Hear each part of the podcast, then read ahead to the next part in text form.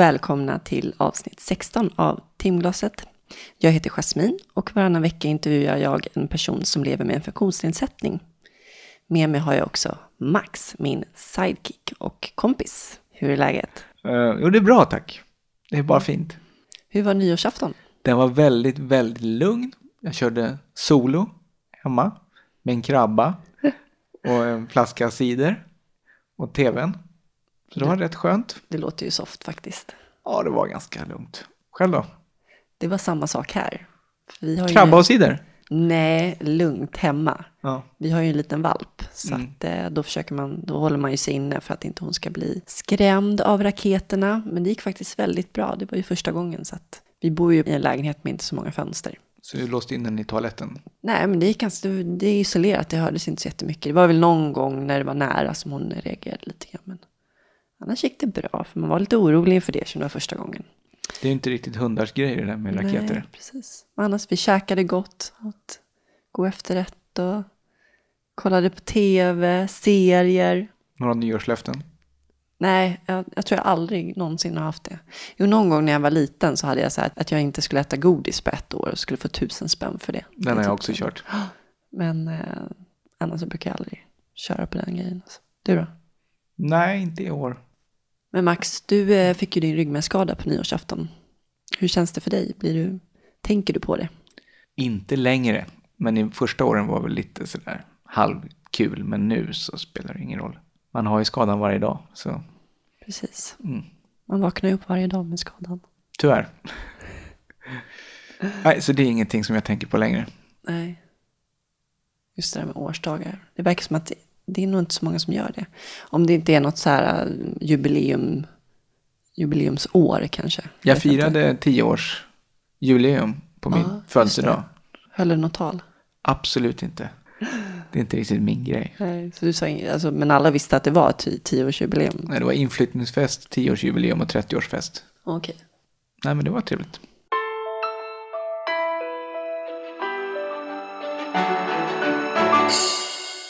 Idag ska vi träffa Mohammed. Han är den mest nyskadade personen vi haft här i timglaset. Han blev skadad för ett år sedan när han blev skjuten. När han stod vid grillen och skulle köpa mat efter jobbet. Han hamnade mitt i någon gänguppgörelse tror jag det var. Och eh, det var flera som blev eh, skjutna, men han var den som blev mest skadad. Blev skjuten i axeln och i buken. Så han blev diagnostiserad som multitraumare. Och han är numera benamputerad och rullstolsburen. Avsnittet görs i samarbete med Atlas Assistans som erbjuder personlig assistans.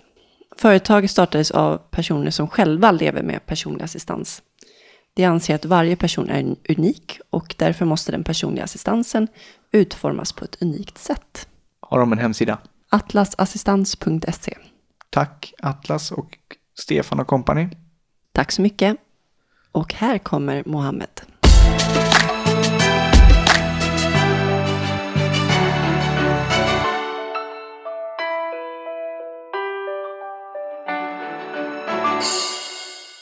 Hej Mohammed! Tja! Hur är läget? Det är bra tack, själv då? Bra faktiskt, helt okej. Har du haft en eh, bra dag idag? Ja, tröttsam. Tränat mycket. Vadå för något? Gymmat. Ska bli biff. Är det så? Yes. Ute på Frösunda? Nej, var Sats, Kista. Funkar idag rent praktiskt? Ja, vissa moment. Men jag behöver inte de andra än i alla fall. Men det funkar. Men annars eh, pluggar du va, på dagarna? Yes. Till socialpedagog? Japp. Hur länge har du hållit på med det då? Sen augusti. Sex månader. Första terminen. Varför valde du just det? Jag jobbade ju förut med eh, barn med särskilda behov. Och sen jag bara kör på det spåret. Fortsätta. Funkar det bra att plugga så här på heltid eller? Mm, på heltid. Ja, det är skönt. Jag, jag gillar att vara sysselsatt och ha någonting att göra hela tiden. Vilken skola? Tollare folkhögskola. Okej. Okay. Men berätta lite om vart du kommer ifrån, vart du är uppvuxen och så. Jag är uppvuxen i Tensta, bott där i 24 år, hela livet. Det är mina områden och jag har, vad mer har jag gjort? Spelat. Jag har varit fotbollsspelare, eh, jobbat sen studenten. Gick i gymnasiet där ute i Jakobsberg. Sen har jag brottats, boxats, allt möjligt. Aktiv person. Ja, sysselsatt som jag sa. Vad hade du för drömmar som barn?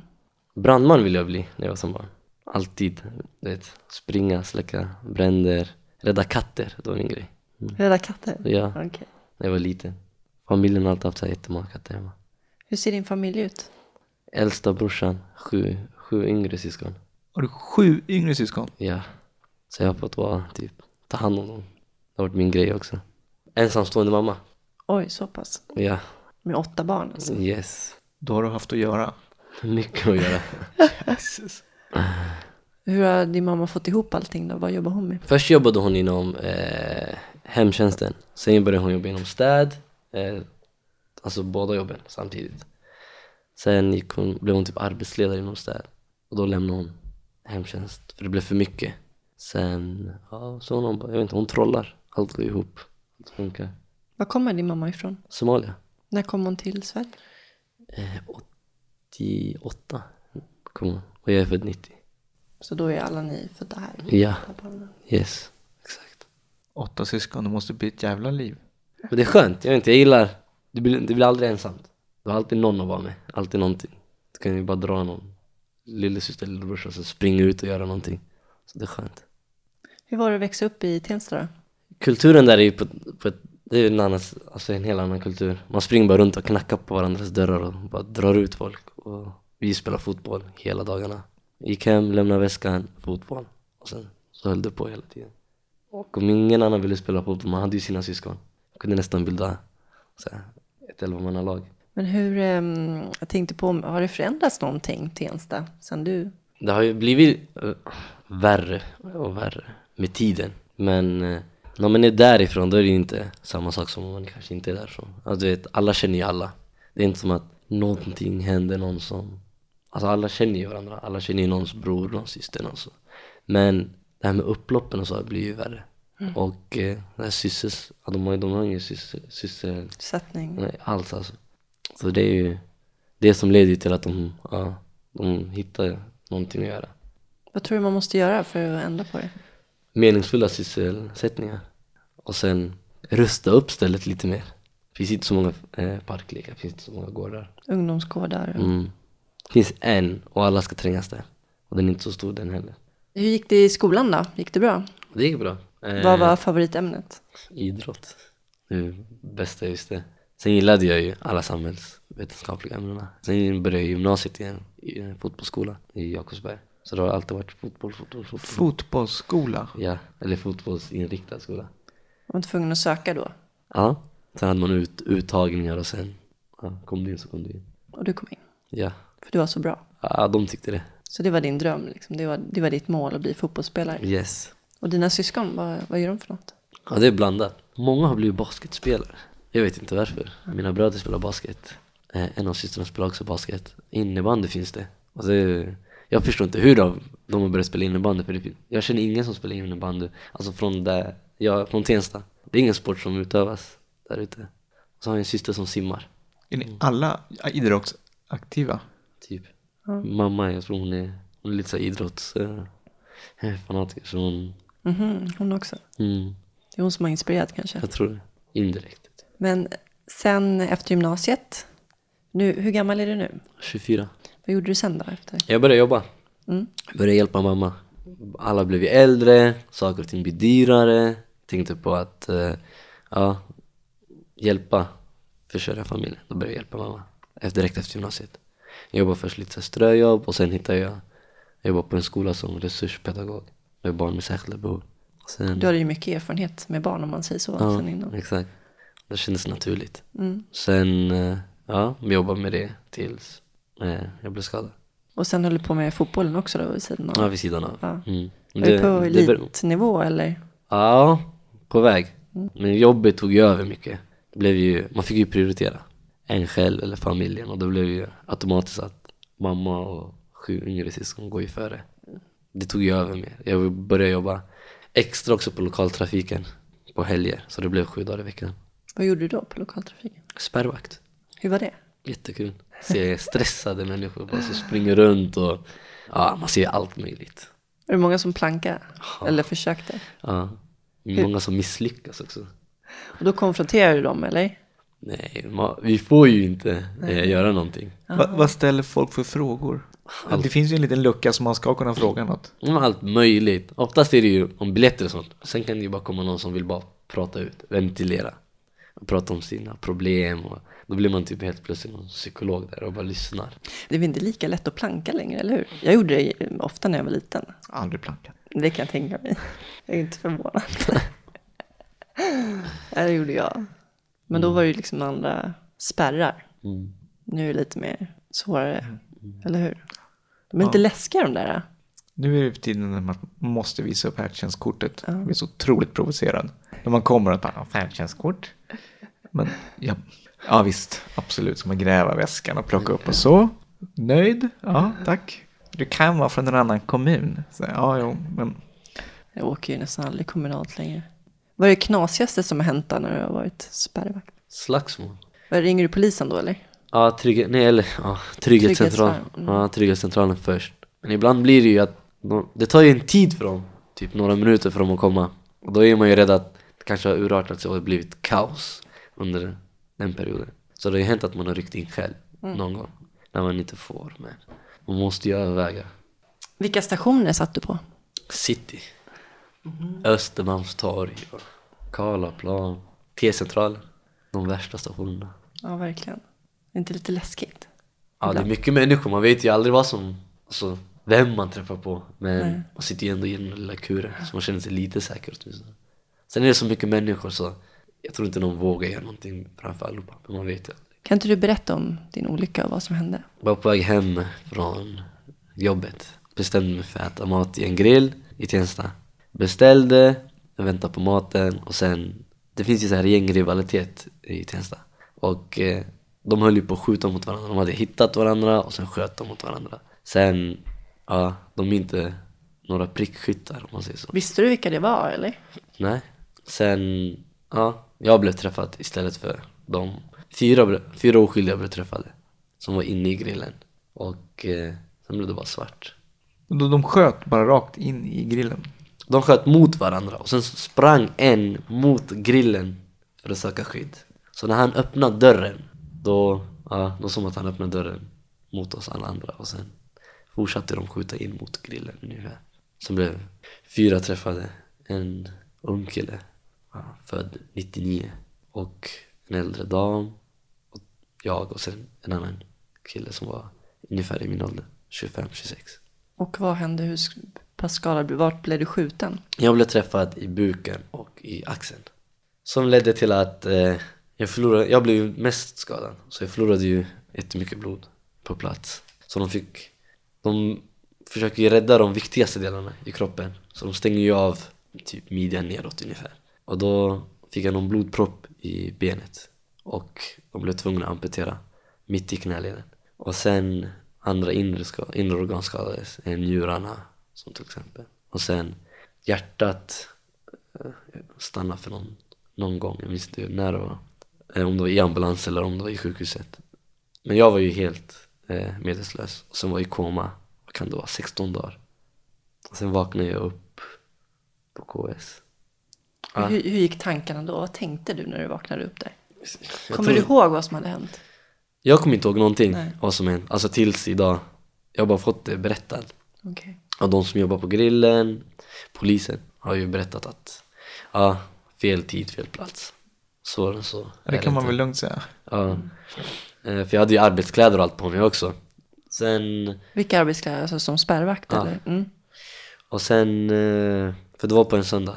Sen på sjukhuset, jag trodde inte det var sant. Eller jag, jag fattade inte. Lite som en sån här dröm, att jag drömmer fortfarande. Jag Och, och, och var benet borta då? Ja, och då förstod jag inte än att, att det här är sant. Du vet, står människor över en och bara pratar över dig och läkare och sjuksköterskor. Jag har aldrig varit på KS, alltså innan. Eh, mina journaler är typ så här blanka. Och sen i rummet, lampor minns jag. Jag minns att jag frös jättemycket. Förstod du på en gång att benet var borta? Nej. Nope. När, och när förstod du det? De tydligen berättar de till mig i en veckas tid att jag förlorat benet men jag kunde inte koppla det. Du det gick inte ta in den, nej. Nej, det gick inte in. Och sen var jag så, jag fick ju så mycket morfin och så mycket andra pre- eh, preparat för smärtstillande. Så jag var inte mig själv. Så jag förstod inte det tills typ någon vecka. Då kopplade jag allt. Men det var ändå orimligt. Ja, det var inte sannolikt. Att jag har varit med om en skottlossning där, där jag inte har någon hotbild och ingenting och inte lever det livet. Eh, Och sen som fotbollsspelare förlora sin favoritfot, om man säger så, högerfoten. Det, är- det är tufft, men man trodde ändå inte det var sant. Man var lite såhär, ah, men när ska jag vakna ur den här drömmen? Typ. Hur länge sedan var detta? Ett år sedan. 20 oktober 2013. Hur kändes det rent fysiskt att, eh, vak- alltså, liksom, att man inte hade ett ben helt plötsligt? Jag hade ju inga muskler alltså jag gick ju ner till 38 kilo. Så jag hade inga muskler överhuvudtaget. Och eh, jag kunde ju inte, för de har ju, jag har ju blivit opererad i buken också. Så de var tvungna att typ skära igenom. Och eh, då hade jag ingen bålstabilitet eller muskler alls. Jag kunde inte komma upp sittandes. Jag kunde bara röra på nacken och jag fattade ju inte varför. Så jag låg ju bara där helt platt inte kunde göra något. Det var ju jobbigt. Alltså, jag kände mig maktlös. Ja, det är klart. Och det blev ju lite så, jag förstod inte heller vad de höll på med. Alltså du måste ju varit så förbannad för att det var ju inte ditt fel, Exakt. det som hände. Jag var ju förbannad över hela världen. Alltså jag var ju arg över allt. Och mot alla typ. Orättvist. Yes.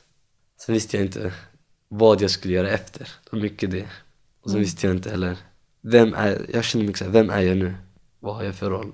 Vad ska jag göra nu? Fotboll var ju allt, familjen var ju allt. Försörj din familj, vem ska försörja familjen? Det var mycket sånt också. Vem ska, hur ska de klara sig nu? För man hade höjt, jag hade höjt standarden på vet, livskvaliteten lite högre. Och så visste jag inte hur det ska gå med det och måste de ner igen och folk har blivit äldre. Mycket tankar.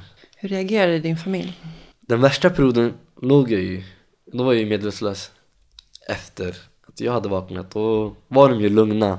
Det kan ju vara också mycket för att vara lugna framför mig och inte göra mig mer Ledsen. ledsen.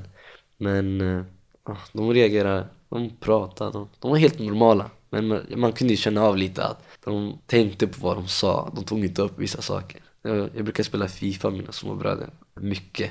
Och vi brukar prata om det mycket. Och de vågade inte ens ta upp det. De tänkte att jag skulle tänka på fotbollen och det var mycket sånt. Så de lät mig prata mest. Och sen de bara satt där och lyssnade. Vilken avdelning ligger man på om man har blivit av med benet? Alltså jag var ju såhär multitrauma.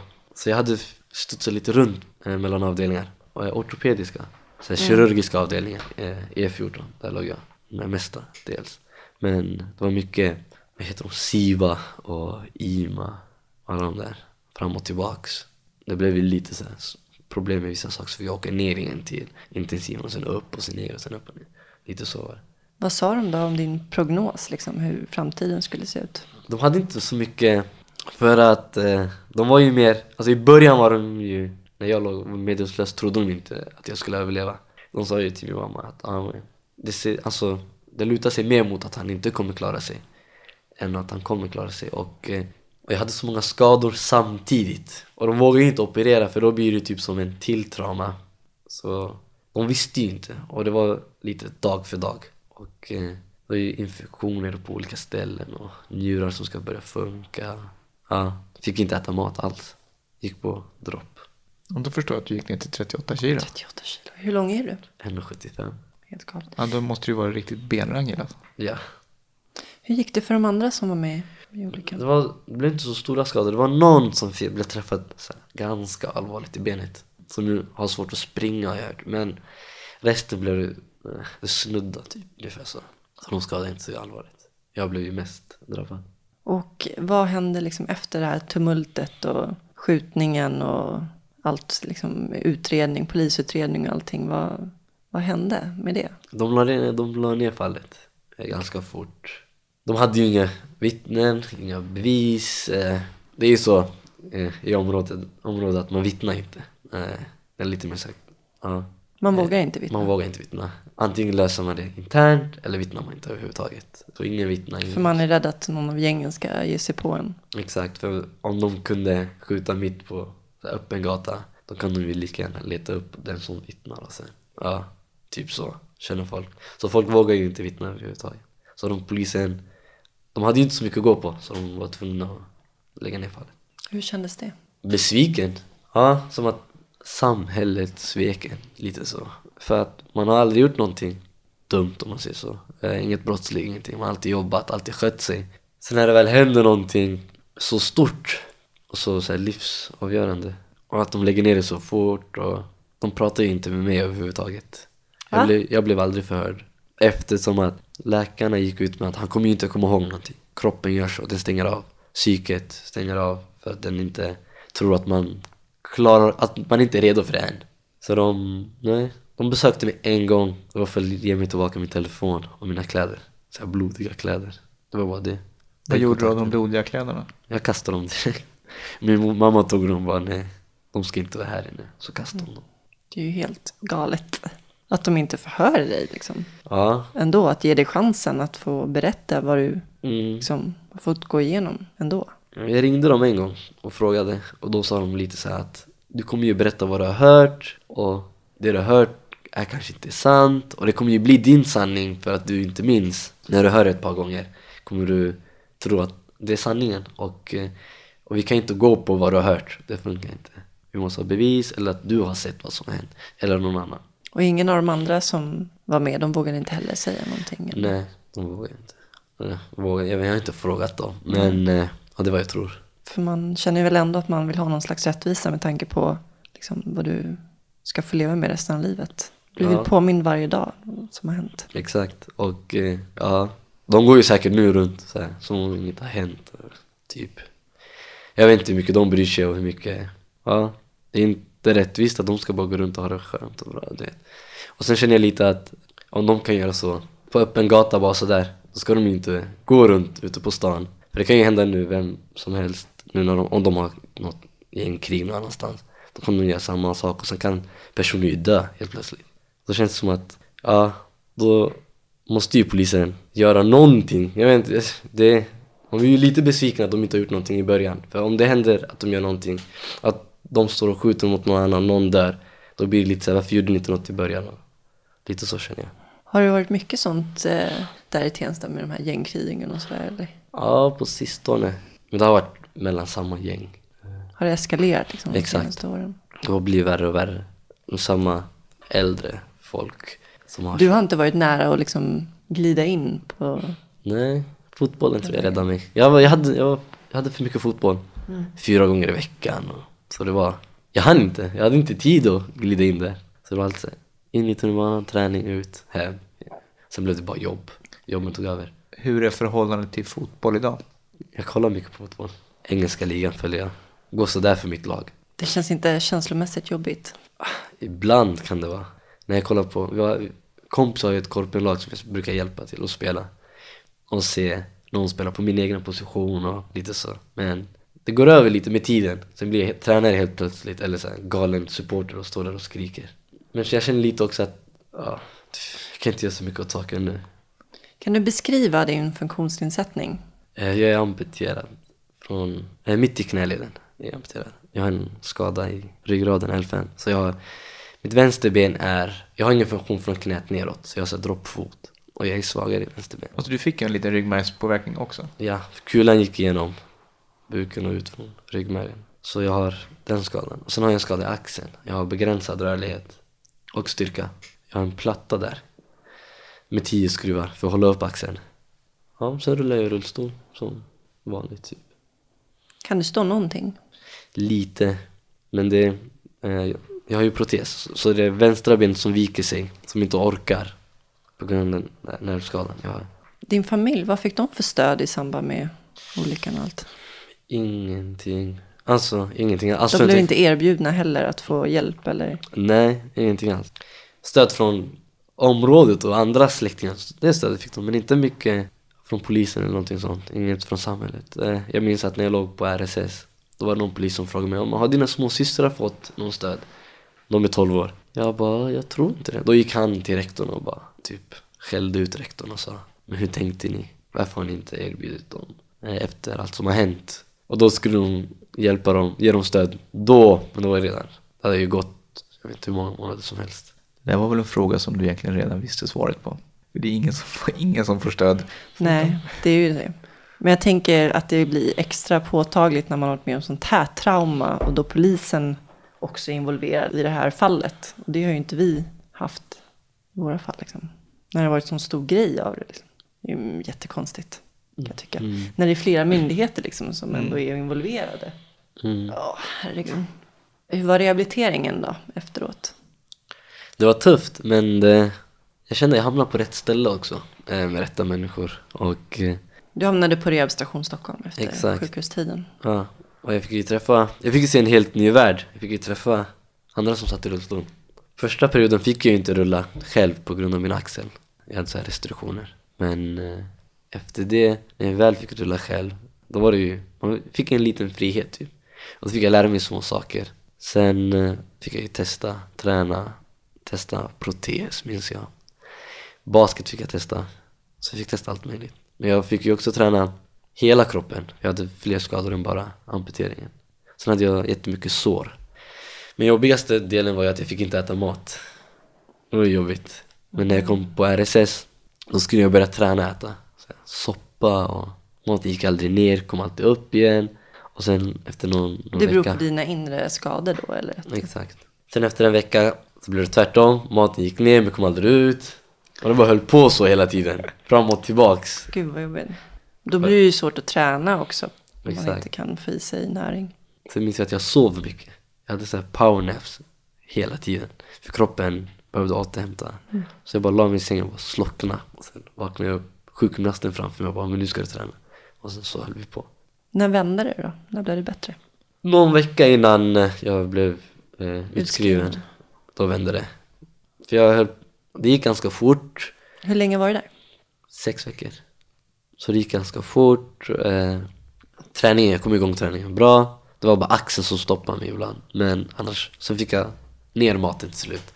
Och det kom ut till slut också. Så det var bra.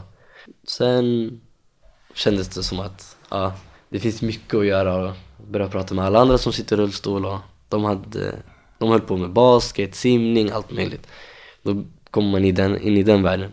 Och sport var ju en sån passion för mig så det var så naturligt. Var det något du fastnade för då? Basket. Jag gillade ju fotboll, det är en bollsport. Och jag ville bara tillbaka till någon bollsport. Någon sån här lagbollspel, allmänt. Det behövde jag. Sen kom jag, hittade jag basketen, men jag fick inte spela. På grund av axeln. Jag testade en gång och jag bara, jag blev kär. Det var det, det här ska jag köra. Men jag fick inte det på grund av axeln. Så jag fick vänta ut. Så du fick inte för läkarna helt enkelt? Exakt. Ja. Ortopeden ville inte. För man kommer ju lägen där man måste vara stark och ha den rörligheten.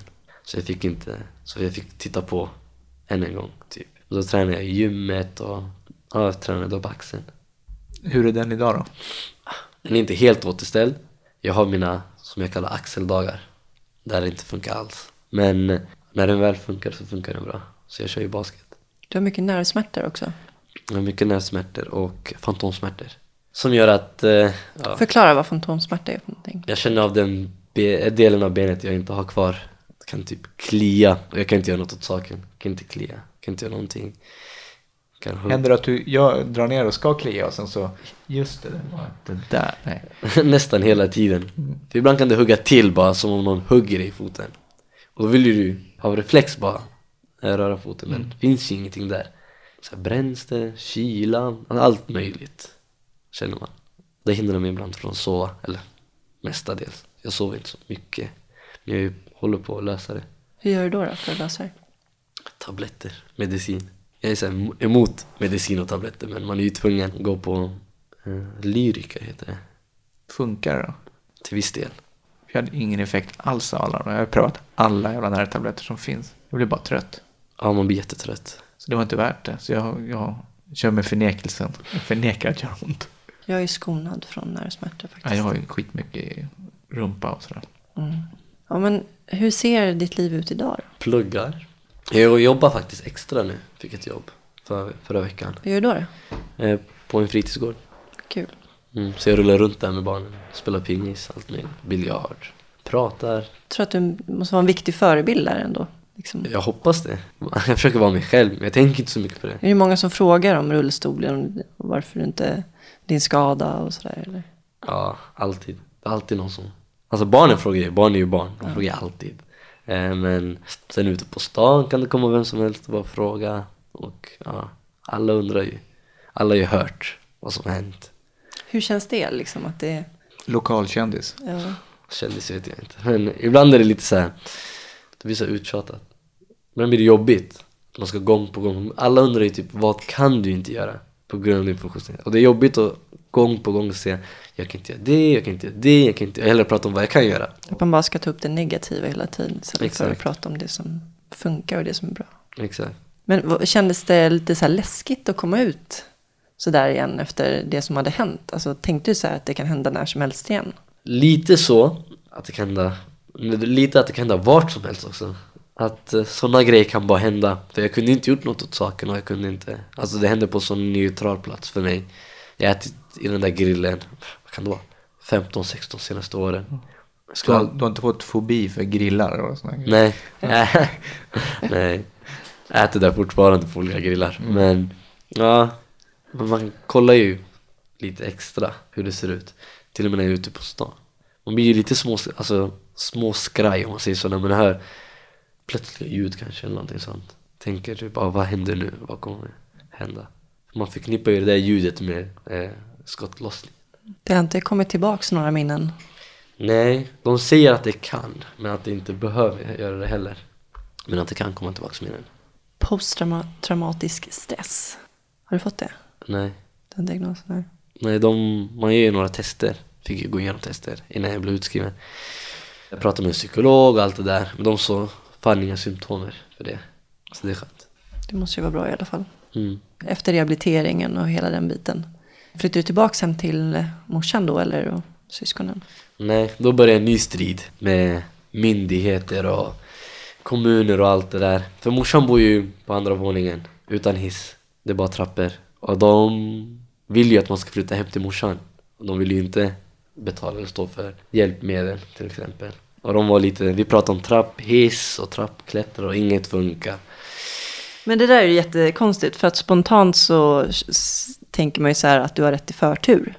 Exakt. Vilket borde vara en självklarhet om Mm. du inte kommer in i, nya, alltså i din, ditt hem. Men det, det hade jag tydligen inte. De ansåg inte att min skada var bestående. Eh, att jag hade någon bestående Vilka ansåg inte det? Stockholms förturs, kommun, förtur, ja, för bostadsförmedlingen. Deras De ansåg inte att skadan var bestående. Eh, men din läkare ansåg väl det? Ja, de fick jättemånga läkarintyg. Men hon ansåg inte. Och sen ansåg hon att de bollade fram mig lite. Eh, var lite, ja men gå till socialtjänsten. De kan fixa det. Gå till din kommun. Då gick jag till kommunen och de bara, nej men vi har inga lägenheter. Du ska ju ha förtur. Och sen, ja, de höll på så. Fram och tillbaks. Och under tiden bodde du var då någonstans? Då blev jag flyttad in hos en kompis som inte var, lägenheten var inte anpassad alls. Så det var svårt med toalett och kök och så. Så man var ju inte självständig. Och jag hade ju lärt mig att vara självständig när jag bodde, eller var i fri- eh, RSS. Och sen ska komma tillbaka och bli, Bakslag liksom. exakt, ta typ fem steg tillbaka. Och jag minns handläggaren berättade att hon tyckte jag skulle ha eh, blöja på mig. För jag inte kunde komma in på toaletten. Va? Alltså folk är ju dumma. Alltså shit. Eh, Åh, gud vad arg jag blir. För jag sa till henne, jag bara, men jag, kommer, jag kan komma in på toaletten, men om det är akut, då det hinner jag inte för det är så bökigt att komma in. Det är jättesmalt och det, det är bara, det, det kommer, jag kommer inte in. Och då bara, men då ska du ha en blöja på det tyckte jag. Alltså blir, jag, Gud, blir vad så, jag blir så jävla... Gud vad förnedrande. Oj, idioter det finns där ute. Fan, helt omänskliga liksom. Och min sjukgymnast blev också rasande. Alltså hon bara, Sätt på dig blöja, alltså ärligt. Mm. Vilket årtal lever vi i? Ja, den ligger tio i topp tror jag bland dummaste saker det jag är har det hört. värsta jag har hört. Alltså. mm. Vilka jävla nötter. Åh. Alltså bara det att det- det borde vara en självklarhet att du ska få förtur. Det är ju ingen snack om saken. Mm, Alltså du måste ju ha ett hem där du kan komma in i och där du kan klara dig själv. exakt, Och vara självständig liksom. Det, det är ingenting som ska ifrågasättas överhuvudtaget. exakt. Och du dessutom får läkarintyg. Du ska inte ens behöva överklaga och kämpa för det. Mm. Ja, jag kände, jag trodde, jag trodde det skulle vara så att jag skulle inte kämpa, men det var ju, de tjafs, det var ju tjafs hela tiden, alltså gång på gång, om allt. Och jag ville anpassa lägenheten, kompisens lägenhet, för jag tänkte jag kommer aldrig få lägenhet. Då sökte jag anpassning och de bara, men du är inte folkbokförd där. Du kan inte anpassa där. Och varför ska vi stå för en annan kommun? För det var Sollentunas kommun. Så det måste ju kosta ännu mer att anpassa ditt barnhem liksom, där du Exakt. kommer ifrån. Det måste ju kosta ännu mer att anpassa det än att du får en ny lägenhet kan man ju tycka. Liksom. För jag Mm. menar, hålla på med trapphissar och grejer, det låter ju Ja. väldigt omständigt. Liksom. Varför inte Exakt. bara... Och du, Blöjkostnader ett helt år. och du, är menar dessutom, du är dessutom vuxen liksom. Mm. Du är ju inte omyndig. Nej. För jag menar, är man omyndig och råkar ut för en olycka, alltså när jag var, när jag skadade mig, Mm. Då fick ju jag och min mamma, vi fick förtur. Vi fick en ny lägenhet liksom. För att jag inte kunde bo i vår tvåa. Och fick inte plats där. Det var liksom inget, det var inget snack. Men du är ju dessutom myndig. Exakt. Och måste få ha ditt eget boende. De sa Så det. motiveringen var liksom att det inte är bestående. Och, Ja, och det baserade de på, Ja, hennes egen typ, Erfarenhet av amputationer. bedömning. Exakt, Ja. hennes så här, professionalitet. Som hon sa det. Hon ansåg också, hon sa ju också att ja, men det är inte många 23-åringar som flyttar ut. Tyckte hon. och Ja, och lite så kände jag också. Och, Ja, men då får du flytta hela familjen då. Mm. ja precis. Typ. Oh, Och de anser, om, om de anser att bara- du fortfarande ska bo hemma, då får de fan fixa ett hem till alla då. Ja, Så typ. alla får plats liksom. Kände så också, men nej, det var inte heller. Vad hände sen då? Du försökte få anpassningar i, i din kompis bostad. Yes. Och det fick du inte. Nej, För att de ansåg att ja, du var inte folkbokförd där. exakt. Men vad behövde Okej. du för anpassning? Lite sänkt kök och... Toaletten tänkte jag mest på. Okej, ja såklart. Och sen kunde jag inte komma ut. Hissen var, alltså en gammal Vilka jävla hissdörr. krav du har. Ska ju kunna gå på toaletten. Jag ser på dig blöja. Eller hur? Nej, hissdörren var jättetung. Så jag kunde inte komma ut själv heller. Då var jag ju inlåst helt plötsligt. Och de tyckte inte heller, ja men de ville ju inte. Det är vem som ska betala för vad. Alltså vilken kommun ska betala för anpassningen. Ska det vara min kommun där jag är folkbokförd eller ska det vara Sollentuna för att jag bor där för tillfället? Lite så. Och vad, du gick till media också. Det skrevs en artikel om dig i Aftonbladet, eller hur? Ja, till slut. En kompis som orkade inte se allt det här och hon blev bara trött. För hon var med och hjälpte skriva ansökan och allt det där. Och sen hon, efter alla avslag, så hon tröttnade ju. Hur många gånger Fick jag överklagade ni? Minst åtta kanske. Alltså jag överklagade hela tiden. Fick ni någon så här juridisk hjälp eller Nej. bara fick, försökte ni göra allt Vi körde själva? allt själva. Mm. Eh, för det var ju, jag ansökte om mycket annat också. Så här från Försäkringskassan och allt. Då fick jag avslag från dem också. De ansåg också att, till exempel, vad var det, bilstöd. Eh, jag hade ju en bil, jag ville anpassa den. Och de sa att, ja men din skada kommer inte vara varaktig i nio men- år. De har ett nioårsspann som de följer. Jag Har du, vet skick, inte. har du skickat bild på att de, benet saknas? Nej, jag frågade henne. Jag bara, kommer mitt ben växa ut? Hon bara, nej men det är inte så vi... Jag bara, men hur bedömer ni? Hon bara, nej men det... Ja men du har fått det beslutet. Och jag bara, jaha. Och då har jag det på svart och vitt där det står, ja men din skada kommer inte vara varaktig på nio år. Från Försäkringskassan. Då, då kände jag som att alla kör ju på samma mönster. Att min skada är inte varaktig. Och jag vet inte hur de bedömer det. Eller hur de får fram det. Du fick inget hopp sådär att du, de, du kanske är felinformerad, att det kanske kommer att växa ut ändå? Mm, lite. Man börjar tänka, vet de någonting som inte jag vet? Eh, Vad sa kuratorn på RSS? Um, hon blev ju också chockad. Hon, hon var ju med också. Men jag var ju utskriven då. Hon sa ju du kan ju komma och jag hjälper dig när du vill. Men kände också att vill inte vara en börda för henne. Hon har hjälpt mig så jättemycket. Och då tänkte jag, ja men jag krigar lite själv. Sen hade jag kompisar som hjälpte och skrev. Så vad var effekten efter artikeln i Aftonbladet? Hände det någonting då? Direkt, någon dag efter. Alltså det är ju också så stört. Åh vad arg jag blir. Den, Alltså max, nu, s- 16 timmar kanske. Alltså det var ju inte ens en hel dag. Alltså det är så stört att man ska behöva... Alltså jag fick ju, jag frågade ju henne, jag bara men hon, ja just det, hon sa ju, hon bara men det finns ju inga lägenheter i Stockholm, du vet hur stor Stockholm är. Alla folk bor trångt och allt det där. Sen någon dag efter bara, ja men just det. Det är väl klart som fan att det finns lägenheter i Tensta liksom. Ja. Kom igen. Överallt tänker jag. Och du vet hon bara, då blev jag uppringd av någon som jag aldrig pratat med. Någon enhet, enhetschef. Och bara, ja men just det, eh, jag vet inte om du har fått brev hem. Jag bara, nej jag har inte fått något brev hem. Hon bara, ja, men du är, är beviljad förtur. Jag bara, när blev jag det? Hon bara, i morse. Ja men såklart då har inte fått brev hem. Och sen sa hon att, ja och då har, just det, och det var en måndag typ och hon sa, ja men på onsdag har du en visning. Ja men det fanns ju inte lägenhet i Stockholm. Hon bara, ah, men vi glömmer det där. Jag bara, nej men va? Jag förstår inte nu. Vad jag fick på- du för lägenhet då? Det var en lit, jätteliten två. Jag kom inte in alls. Och då kom du inte in? Nej det var, jag vet inte hur de tänkte. Men det var, jag tror att det var Det bara var, ner, typ, det var ner då de inte gjorde tror jag. Ja, De glömde det tänkandet. exakt. Ja. Jag tror det var mycket att bara någon, ge han bara någonting för tillfället bara så att han Så vi kan så att det tysta, hänt ner, någonting. tysta ner honom lite. Exakt, så att det hänt någonting. Och jag minns att hon sa, det tyckte jag var roligt. Den förra sa, det finns regler inom förtur att man inte får tacka nej mer än två gånger. För folk tackar nej så mycket för att de vill typ hamna in i stan eller någonting. Man ska inte vara för kräsen. Och då sa jag till henne, jag bara, men om inte jag kan komma in och det inte funkar för mig, jag måste ju kunna tacka nej mer än två gånger. Då sa hon, ja ah, men nej nu är det nya regler, det är nya spelregler för dig nu. Och jag bara, varför det? Hon bara, vi behöver inte tjafsa. Nu kör vi bara. Jag bara, aha. Allt efter media, då var det nya regler och det var lägenheter dyker upp och det var så här. Då kände jag lite så här, ja, men är det den vägen man måste gå? Och tänkte de som inte orkar gå den vägen, vad händer med dem?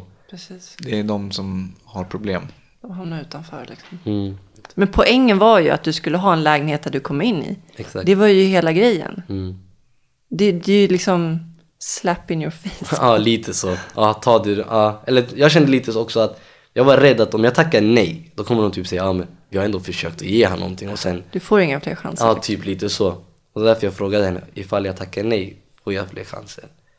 Och då sa hon, ja, det är lugnt. Du ska hitta någonting tills, alltså, tills du är nöjd. Och vad hände sen då? Då hittade jag en till slut, eh, i Husby.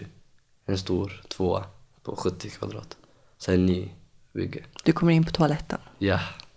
Och den var inga trösklar, ingenting. Ja, det var, det var Ett, perfekt. ett nybygge liksom? Ja. Ja, allt funkar. Hissen och, alltså det var så här, frihet. Självständig. Alltså att vara självständig. Det är ju inte så höga krav egentligen att man ska kunna vara självständig i sitt hem. Det är ju en självklarhet egentligen. Jag kände att jag behövde ju komma tillbaks. Man är inte bara beskadad fysiskt. Den mentala biten också är ju, man vill ju vara så självständig som möjligt. Hur har det gått med den mentala biten? Den har gått bra. Jag, har varit så sysselsatt hela tiden. Från att vara på RSS till att alltså, tränat, börja s- skola direkt efter RSS, börja plugga på heltid. Så jag har inte tänkt så mycket. Jag har inte hunnit tänka så mycket heller. Men det är också mitt, min strategi, typ, mitt sätt att bara att bearbeta det hela. Och bara komma tillbaka till rutiner, börja jobba, plugga. Hitta sin egen roll i samhället på något sätt. Så gjorde ju lite jag också. Direkt försöka, försöka komma ut och Men- jobba direkt. Finns det ingen risk att man förtränger då? Att man liksom inte bearbetar den där sorgen som också är viktig? Och det hade jag nog gjort färdigt, tror jag. Det tog nio månader innan jag började jobba. Och du då? Ja, för mig också. Det tog också typ 9-10 månader. Men jag kände att jag var, jag var klar. Jag hade accepterat. Ah. Kände lite såhär, det finns inte så mycket jag kan göra saken. Nu är det bara jag gör det bästa åt saken. Jag var lite, när jag låg på RSS var det mycket, ja men jag ska bli den bästa rullstolsburna personen. Ska, ska krossa. Åke var min, han ville jag krossa. Han var Typ din så. inspiration. Ja, han skulle jag typ köra över.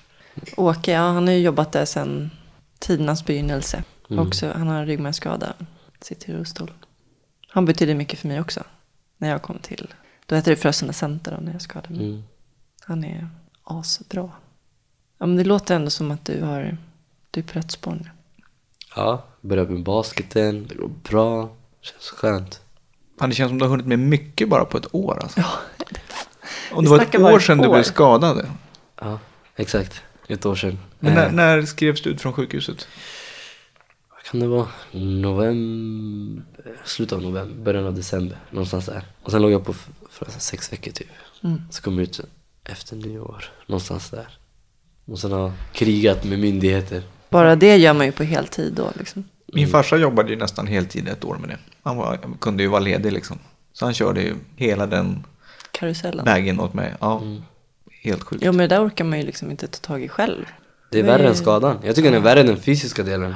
Som jag sa, att man måste hela tiden förklara sig. Varför man inte kan göra det. Varför man inte kan Ja, göra det är förnedrande att Ja, behöva sitta och förklara ens svagheter. hela tiden. Har du fått bilstöd? Ja, nu har jag fått bilstöd. Var det efter artikeln Ja, det var också? efter artikeln det också. Fick allting efter artikeln. Ja, det blev för bra typ. Efter artikeln. Så kändes det ju. För att man fick ju så mycket avslag. Man glömde bort att det är, det är uppenbart att man ska få sådana. Men när du har fått så mycket avslag och när du väl fick eh, godkännande, då var det så här. Nu är det för bra. Man var, man var, man vart chockad. Man är van att få avslag och sen ska kriga Att typ. behöva kämpa. Mm. Det är så stört. Man blir så arg liksom så att det kryper i hela kroppen. Ja. Hur känns det nu då efter att... Ja, men du kände ju ändå att samhället svek dig. Mm. mm, Vilket det gjorde också. Mm. Men hur känns det nu ändå när Livet rullar på.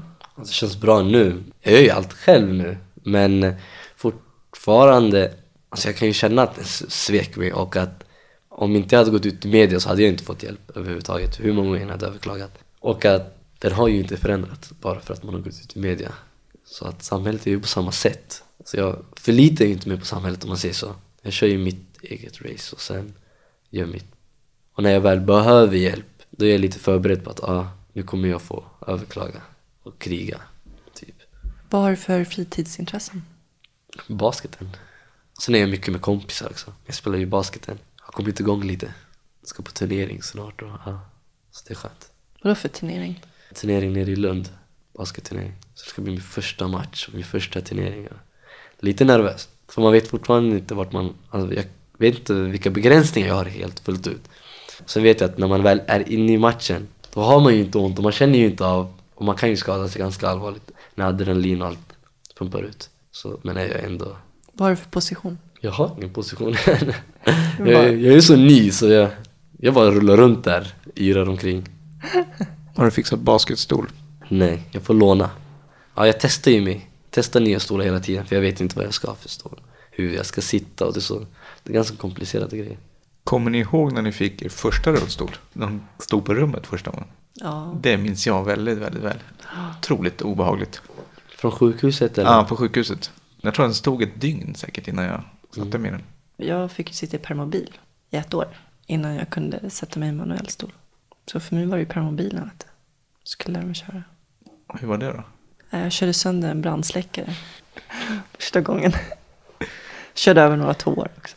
Men det, det, det är ju nästan tanken på att sitta i en elstol. Liksom. Det var inte kul. Nej. Det var inte så lockande. Men samtidigt när jag väl satt i den, då var det en enorm frihet att man kunde ta sig vart man ville när man vill. Mm. När fick du beröm senast? Igår faktiskt. Vi hade tenta.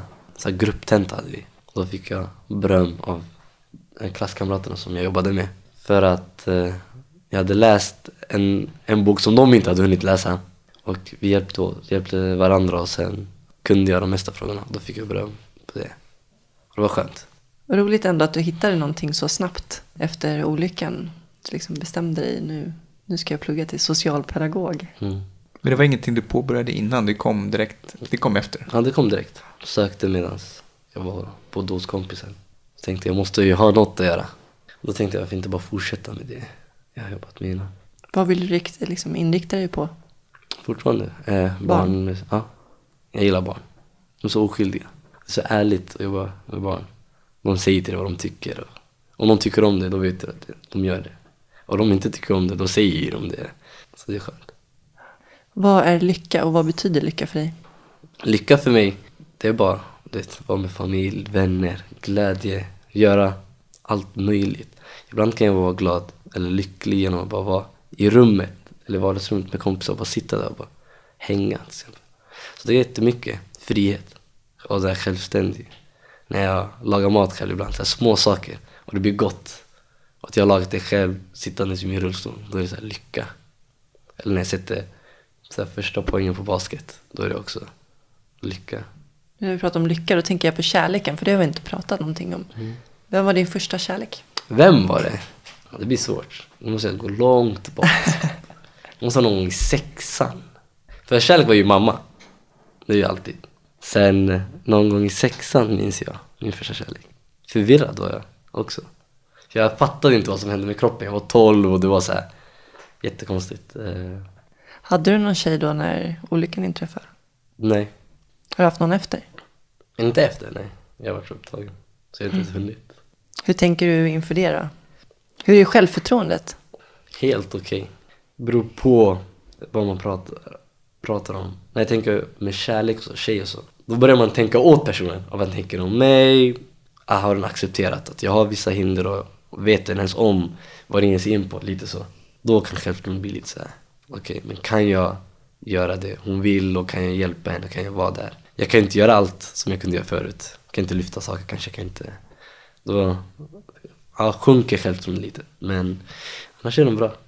Vi har ju pratat en del om frihet och sådär. För dig var det ju bara för att få vara självständig och kunna komma in i... Men vad betyder frihet för dig? Mycket, allt. För mig är det typ allt. för mig finns det frihet i så små saker också, så bara att kunna rulla runt. Vet, ibland när jag har mina axeldagar kan jag inte göra någonting. Man, när man tänker på frihet tänker man på så stora saker, men för mig kan det vara bara gå på toaletten normalt. Tänka på att hur det var innan, att jag inte kunde gå på toaletten. Ibland tänker jag på när jag reser mig från sängen, sätter mig bara upp. Det kunde jag inte göra förut alls. Och det är också en frihet att bara kunna sitta rakt upp. Att inte känna att det är ansträngande. Har du förändrats mycket sedan olyckan? Jag uppskattar saker på ett helt annat sätt.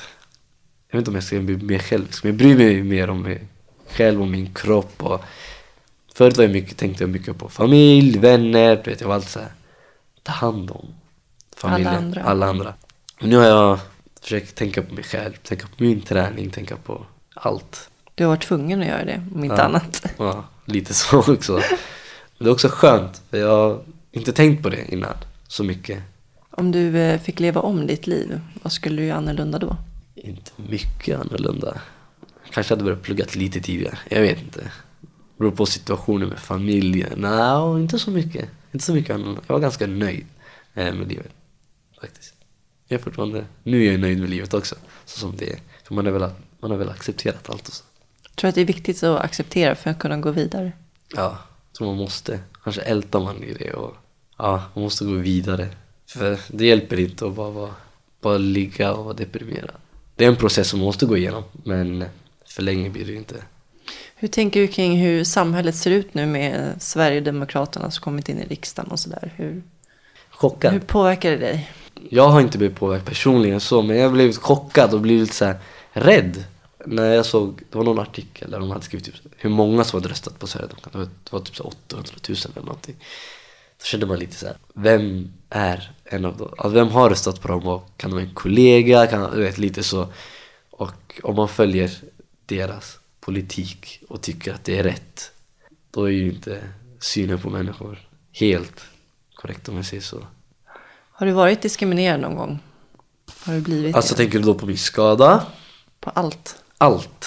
Ursprung, skada? Ursprung. Ja, ursprung minns jag när vi, en, en grej när jag var liten. När man sitter på tunnelbanan.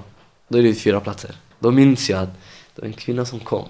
När jag var på väg hem från träning. Då var det en kvinna som kom. Och det fanns tre lediga platser bredvid mig. Och sen fanns det någon ledig plats, en trång plats i, i hörnet på andra sidan. Då gick hon först bredvid, ställde hon sig bredvid mig och bara titta och bara gick förbi. Och sen satte sig. Trängde sig du vet, klämde sig igenom alla och satte sig. Då kände jag mig lite så här. Vad tänkte du då? Du var ju bara ett barn. Jag var ett barn. Det var, det var jättejobbigt. Alltså, då kände man lite, eh, vad är fel på mig? Vad har jag gjort? Först tänker man ju såhär, ja vadå? Luktar det någonting eller du vet? Vad finns under sätena? Vad? Sen går man ju vidare med de tankarna och tänker, är det något fel på mig? Varför vill hon sitta här? Hon kan ju sitta här, hon kan till och med lägga, alltså lyfta benen och lägga på sätet. Hon har ju så mycket plats om hon vill. Men hon vill inte sitta där. Men för, bli, för dig blir det lite så här dubbelt med tanke på ditt ursprung och sen invalid på det liksom. Mm. Man blir lite trött på att alltid folk ska hjälpa en. Jag vet inte om ni har mig, att hela tiden att folk ska... Det hände en gång att jag var nära att ramla. En kom bakifrån och bara putta upp mig upp för backen Utan att fråga. Bara. utan att fråga. Och jag har ett jättelätt tippad stol. Så när du puttar, då sticker den. Och jag höll på att ramla. Alltså det var, Den tiltar bak. Då. Ja. Och det var millimeter från att välta. Och jag tänkte, ja. Det där är jävligt bökigt just det där med vad man ska säga till folk som vill hjälpa till hela tiden. Jag är ju lätt att bli jävligt förbannad liksom. Och jag är för snäll hela tiden. Tänker att de vill ju bara hjälpa. Nej, jag kan bli så jävla trött. Jag blir så berörd när du berättar om det här upplevelsen du hade som barn. När man inte vet att det ens finns skillnader på människor, tänker jag. Mm. Att man, jag menar, så tänker man ju inte som barn, att man är så annorlunda på det sättet. För jag är ju uppvuxen med att vi är ganska liksom, från olika kulturer i klassen och sådär. Det har inte varit några konstigheter. Men vad händer med ett barn? Tänker på dig, liksom, när, när man börjar upptäcka de där grejerna. Att, Mm, att arg. folk kan se annorlunda på en. Mm, Man blir rätt så arg. Alltså man blir ju arg och sen då börjar man, man själv börjar typ såhär, ja men alla svenskar är rasister. Då kör man ju det på det kortet sen. För att man har blivit så kränkt. Sen inser man ju när man börjar skolan och har svenska kompisar, det är inte så. Alla är inte så. Att det var bara hon som var lite dum i huvudet. Och, men om man inte har svenska kompisar alls och inte får den upplevelsen, då kör man ju på det kortet hela vägen. Och det blir ju samma effekt som hon hade. Då gör du det på någon annan. Och det blir så en ond cirkel helt plötsligt. Ja, nej, det är läskigt hur klimatet ser ut nu ute i samhället. Det är nästan som man inte vågar prata om det. Liksom. Vad skulle du vilja säga till någon som inte har någon erfarenhet av personer med funktionsnedsättningar? Som aldrig har sett någon, träffat någon som är benamputerad Mm. eller? Alltså om den undrar någonting eller om den vill hjälp, fråga. Om personen har möjlighet att prata tillbaks. Folk frågar inte mig saker, folk gör bara. Puttar mig, jag har lagt något på knäna och bara tar den och går med det. Kan sitta bara någonstans och bara behöver hjälp och så bara börjar putta mig mot någon riktning som inte ens jag ska, jag ska inte ens mot det hållet. Ibland kände jag mig så uttittad när jag inte hade protesen på mig. Folk pekar och tittar och sån sak som jag aldrig, aldrig gjort. Vi är ändå fortfarande människor. Vi, är ändå, vi har bara kanske någon funktionsnedsättning. Men vi, får, vi har ju fortfarande känslor. Men alltså vilken resa du har gjort ändå. Liksom bli skjuten helt oprovocerat på öppen gata. Och sen behöva kämpa mot myndigheter för att få rätten till att kunna leva ett normalt liv. Och nu pluggar du på en folkhögskola i Värmdö, eller vad är det? Var ligger Nacka. någonstans? Nacka. Det är ganska otroligt. Vad får du för bemötande där på skolan? En bra bemötande faktiskt. Miljön, jag gillar miljön, folkhögskolemiljön. Helt annan sorts miljö där. Det är mycket grupp, eh, inga tentor, inga sånt. Folk är bara chill, helt avslappnade. Jag blir bemött som vem som helst, så det är skönt. Har du hunnit resa någonting? Nej, inte än. Jag vill göra det. Det är nästa steg, nästa mål. Jag är lite rädd. Hur ser du på framtiden då? Vad har du för framtidsdrömmar? Jag har många drömmar faktiskt. Jag vet inte. Jobba, kärleken som du sa, eller som du pratade om. Och sen basketen tänkte jag satsa på. Och sen resa runt. Jag reste mycket förut. Vart reste du? Jag har varit på många ställen. Jag har varit i Mexiko, jag har varit i Thailand, jag har varit i Dubai. Var det efter skolan då eller som du reste Ja, mycket? jag reste när jag fick chans att resa någon vecka. Då reste jag och det var skönt. Jag gillade resa, gillade att åka runt. Åkte du själv eller med kompisar? Med kompisar. Två kompisar. Alltid samma. Stockholm ska ju vara världens mest anpassade stad. Skitsnack. Om myndigheterna säger det. Ja, nej. Alltså, nej. 2010 skulle det bli det va? Var det inte det? Ja, Världens mest anpassade huvudstad. mm, det är ju ett skämt. Ja. Restauranger, är ju världen. Två trappsteg upp och allt möjligt. Toaletten är ju tra- tio trappsteg ner och ja. Hur mår din morsa då? Mår hon bra? Hon mår bra. Vi pratar inte så mycket om det som har hänt och så. Men För henne är det ju viktigt att se att du går vidare och att det går bra för dig. Och det måste ju räcka för henne. För att exakt. Om du mår bra, då mår hon bra. Ja, exakt. För jag bor ju inte hemma så. Hon besöker ju. Jag valde också att inte bo hemma på grund av att hon ska inte se när jag inte mår bra. Lite så. Man ramlar ju ett par gånger och hon ska inte behöva se sånt och sen. Så hon får ju se när man är helt pigg och glad. Ja, hon behöver det. Det var intressant att få höra din historia och jag tycker att det är imponerande att se hur stark du är och hur bra du har tagit dig igenom allting. Thank you. Tack så mycket för att du kom. Tack själva att jag fick komma.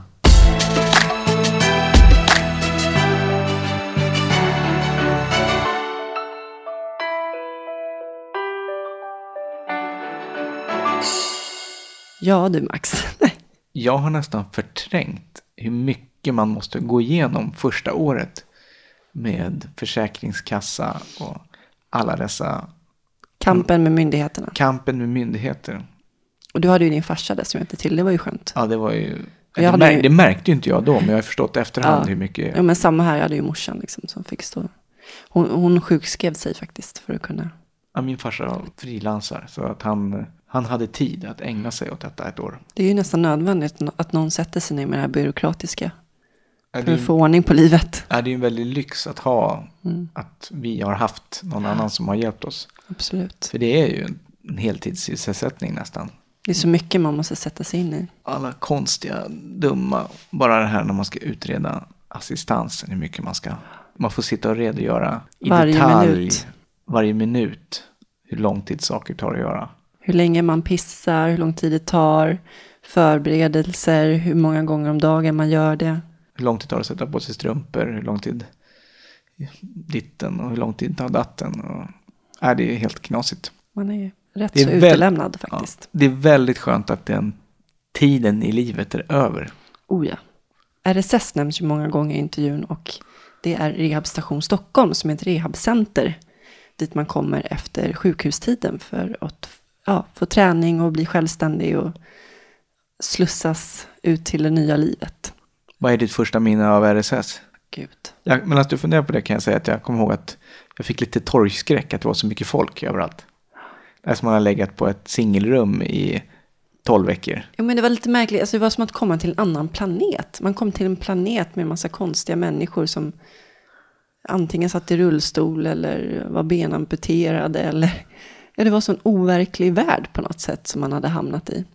Jag minns att alla rullade väldigt, väldigt fort. Ja, i alla fall några av dem, inte alla. Nej, men jag kommer ihåg att det var, det var som att komma Ja. ut, det var lite som att stå på autobahn känns som. Alla for fram och tillbaks. Rehabstation Stockholm ligger ju ute i Frösundavik i Haga. Så det är ju väldigt fin miljö runt omkring där. Så några gånger då smet jag ut med permobilen utan att jag sa någonting. Bara drog Mhm. ner till vattnet. Funderar inte på åka i. Nej, det gjorde jag inte.